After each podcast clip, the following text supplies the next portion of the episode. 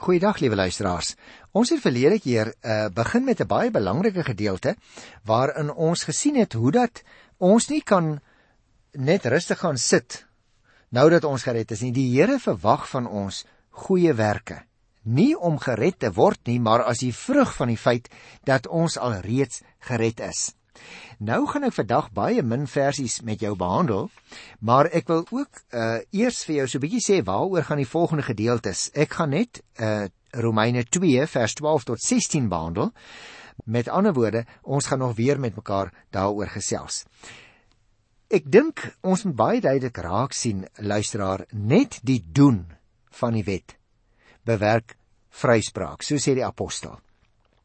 Paulus is nog al die tyd besig om te argumenteer dat Jode sowel as nie-Jode voor God se regbank skuldig staan.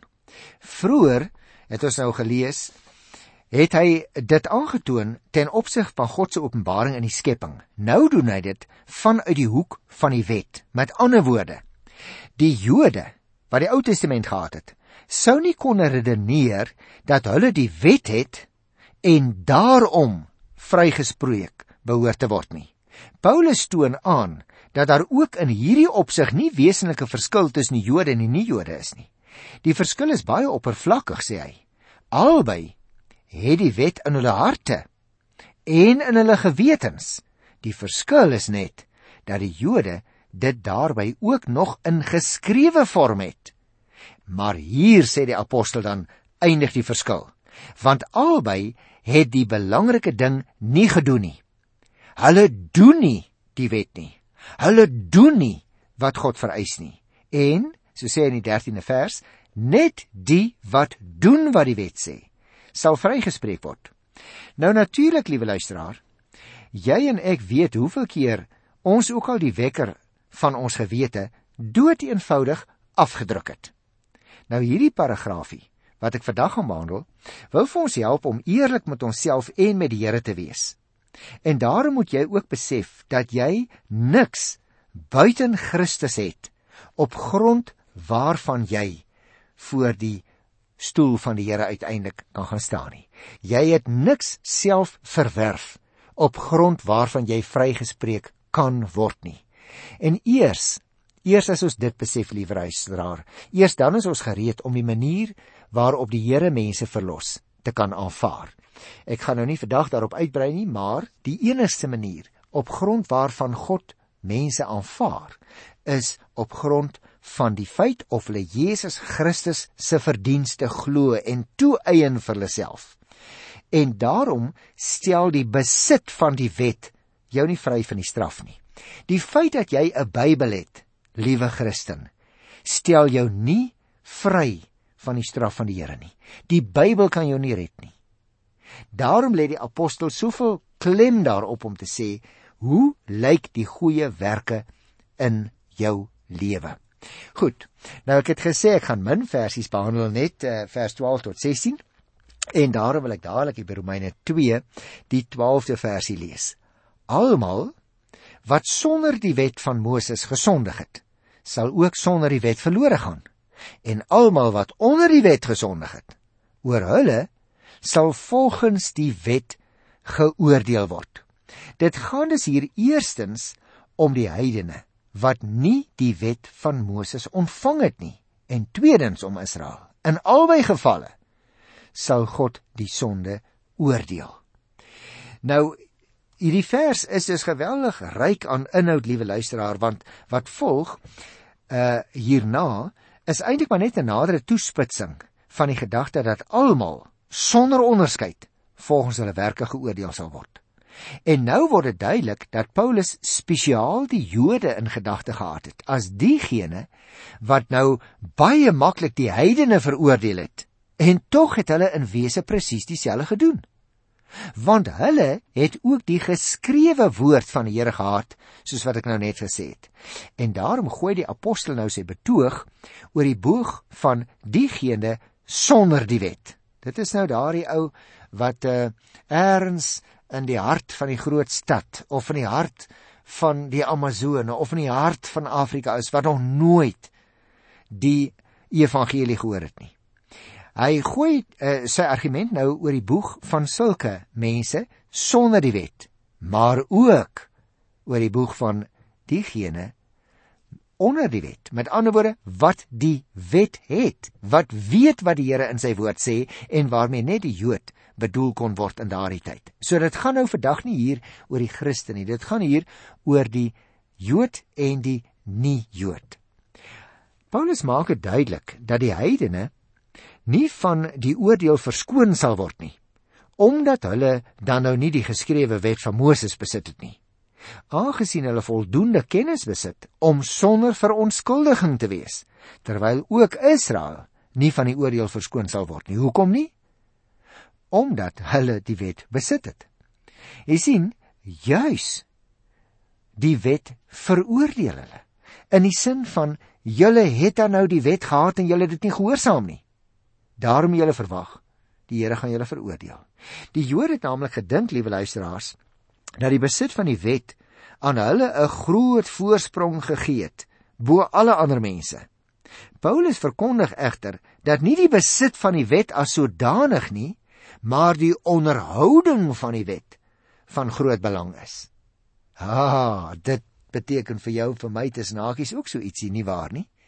Nie die feit dat ek 'n Christen is is so belangrik nie, maar hoe ek 'n Christen is. Doen ek die dinge wat die Here van my verwag? Dis nog 'n lang ruk voordat ons by die boek Jakobus gaan kom, maar hy het maar net 5 kort hoofstukkies. Jy kan dit gerus by die huis lees, liewe luisteraar. Dan as jy agterkom, Jakobus klink op hierdie goed. As jy oor hierdie goed praat, klink hy op 'n druppel water na net soos Paulus. Hy sê, luister, jy kan nie 'n Christen wees as jy soos 'n lijk is nie. Hoekom nie? Hy sê 'n lijk haal nie asem nie. So jy kan die lijk sien. Maar as hy nie asemhaal nie, dan weet jy die die liggaam is dood. En hy sê so is 'n Christen. As jy sê jy's 'n Christen, maar jy doen nie goeie werke nie, dan is jy dood. Dan is jy soos 'n lijk. Dan het jy nooit waaragtig tot bekering gekom nie. So ek wil vir jou ook vra, liewe luisteraar, hoe lyk jou optrede? Hoe lyk jou goeie dade? Hoe lyk myne? Of is ons maar 'n Christen nomineel, maar ons hart het nooit verander nie. Nou luister wat sê die apostel by die 13de vers. Nie die wat die wet hoor word deur God vrygespreek nie, maar die wat doen wat die wet sê sal vrygespreek word. Dis presies wat die apostel uh, Jakobus ook later in die Bybel sê. Ons moet onthou, liewe luisteraar, die Joodse volk moet baie goed besef dat die maatstaf van God nie die besit en die hoor van die wet is nie, maar die nakoming van wat die wet sê. Daarom is die gedagte hier in vers 12 dat ons daders sal word van wat die Here sê. Die Jode moes daders gewees het van die wet en hulle was net hebbers van die wet. Met ander woorde het die wet gehad op papier of op boekrolle in daardie tyd seker. Maar hulle het nie die wet gedoen nie. Die Jode was werklik die hoorders van die wet. Elke Sabbat is dit in hulle sinagoges gelees. Die vraag is egter of dit by hulle gelei het tot die doen van die wet.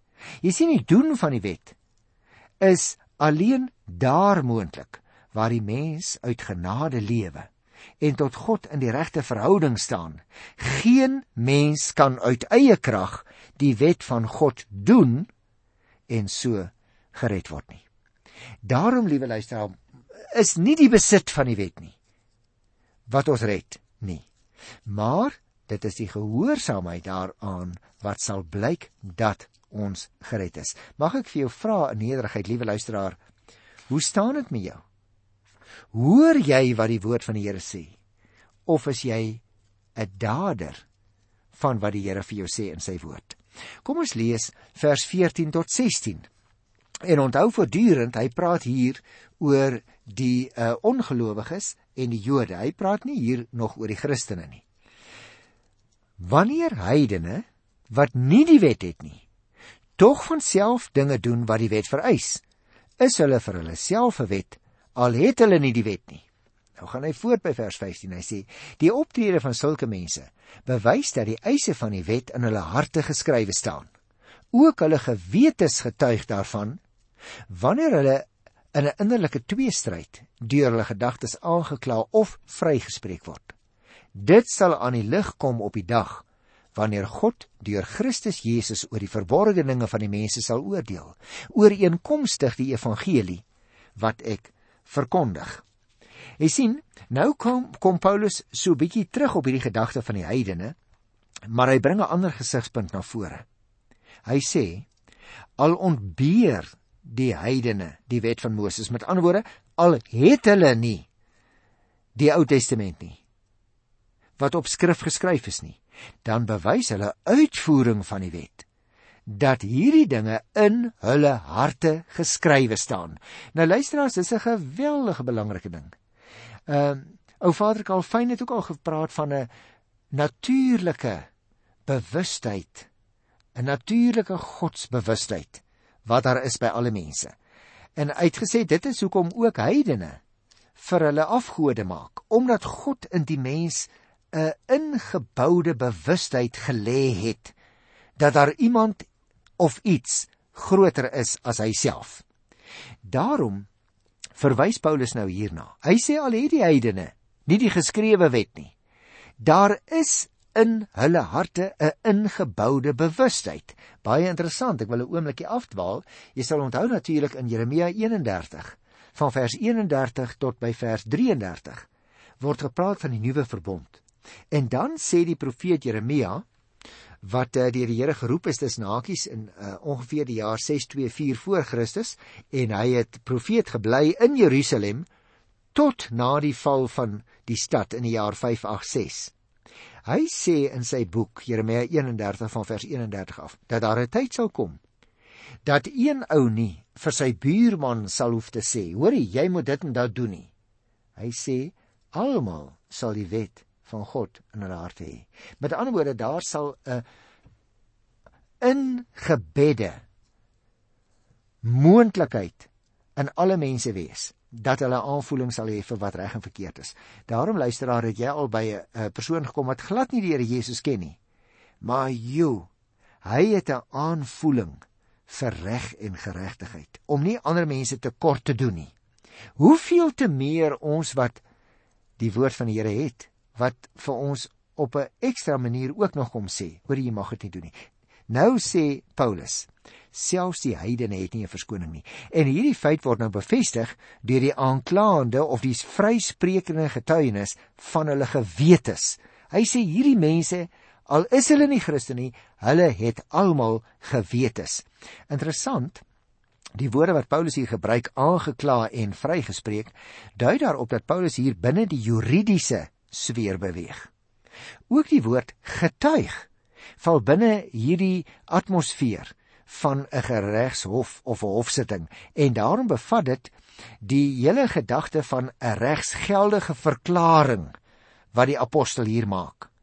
Nou is die vraag natuurlik, wanneer word hierdie getuienis van die heidene se gewetes afgelê? Nou as jy nou vers 15 en vers 16 so bietjie met mekaar verbind, dan kan ons die antwoord sien. Dit kom na vore. Die resultaat van hierdie gewetes waaraan hulle gehoorsaam was of nie, dit sal tot openbaring kom op die oordeelsdag.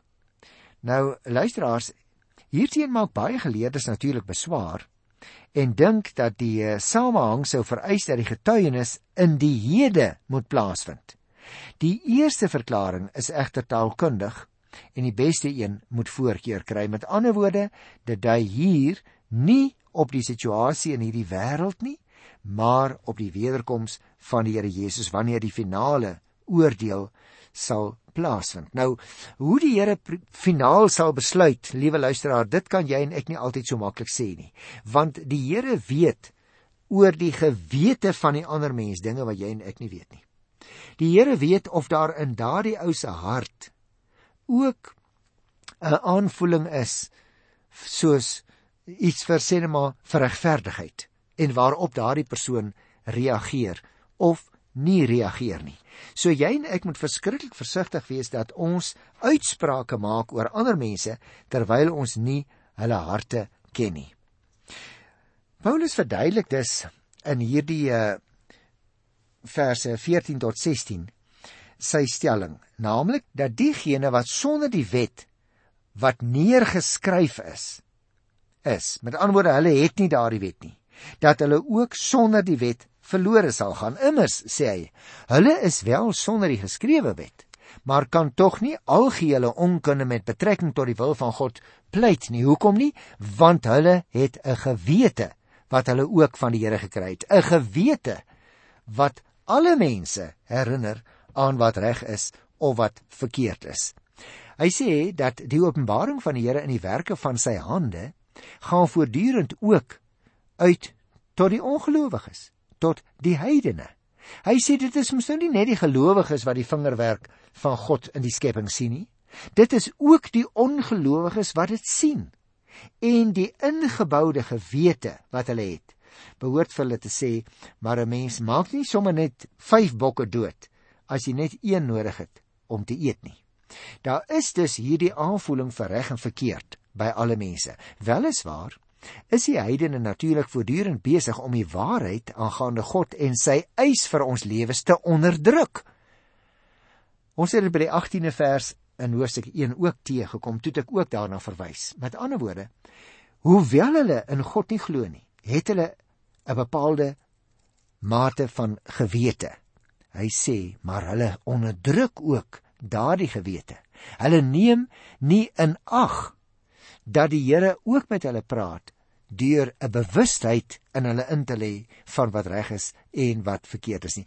Nou uh, sê die apostel die gevolg is dan dat die heidene 'n besef van reg en verkeerd het, 'n regsbesef wat selfs fyn ontwikkel kan wees. En deur sy regsbesef word die heiden vir homself tot 'n wet. Al het hy nie die geskrewe wet van God nie. Immers sê die apostel, hy doen van nature die dinge van die wet Nou hierdie van nature kan natuurlik ook weergegee word met hulle self. Hulle word vir hulle self tot wet. Daarom word dit ook uh soms so vertaal en hier ook. Die heidene het 'n uh, wat sal ek dit noem luisteraars? Hulle het 'n natuurlike aanvoeling vir reg en verkeerd en verrig meermale dade wat 'n ooreenkoms vertoon met die eise wat die Here in sy wet gestel het aan die gelowiges. Dit bewys dat hulle sonder verontskuldiging is as hulle tog in stryd met hulle eie regsbesef lewe. Ek wil weer 'n keertjie vers 15 lees want dit is sulke belangrike goed wat hier geskrywe staan. Paulus sê en luister weer daarna, die optrede van sulke mense bewys dat die eise van die wet in hulle harte geskrywe staan. Ook hulle gewetens getuig daarvan wanneer hulle in 'n innerlike tweestryd deur hulle gedagtes aangekla of vrygespreek word.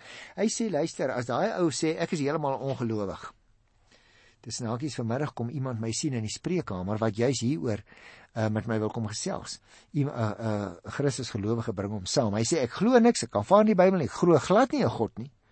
Maar hier sê Paulus, hoorie, is jy ook soms in 'n in 'n tweestryd?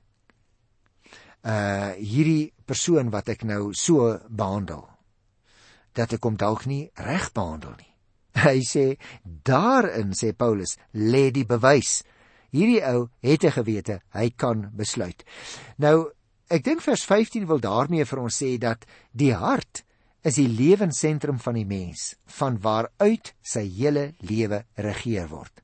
Daar in die hart, in die lewensentrum, maak God se wet deur die algemene openbaring 'n indruk ook op die heidene. Dat gesê kan word dat die Here op hulle harte skrywe, soos hy eenmaal sy wet by Sinaai op die tafels van klip geskryf het en dit vir die Jode gegee het. Met ander woorde, die Here het sy wet op hulle hart geskrywe, soos Jeremia 31 vanaf vers 31 waarna ek net verwys het, duidelik sê. Die Here het sy wet geskryf ook op die hart van die heiden. Omdat die hart van die mens egter 'n onverstandige hart is, word die skrif van die Here se vinger op daardie hart so maklik verdring, sodat die regsbesef van die heidene baie kere baie gebrekkig is. Nou is dit natuurlik moontlik luisteraars dat die uitdrukking die werk van die wet dieselfde kan beteken as die eis van die wet. Met ander woorde, as hulle gewete vir hulle herinner, dan behoort hulle positief daarop te reageer uh, en nie negatief nie. En daaroor sê Paulus gaan die Here uiteindelik ook die heiden tot verantwoording roep.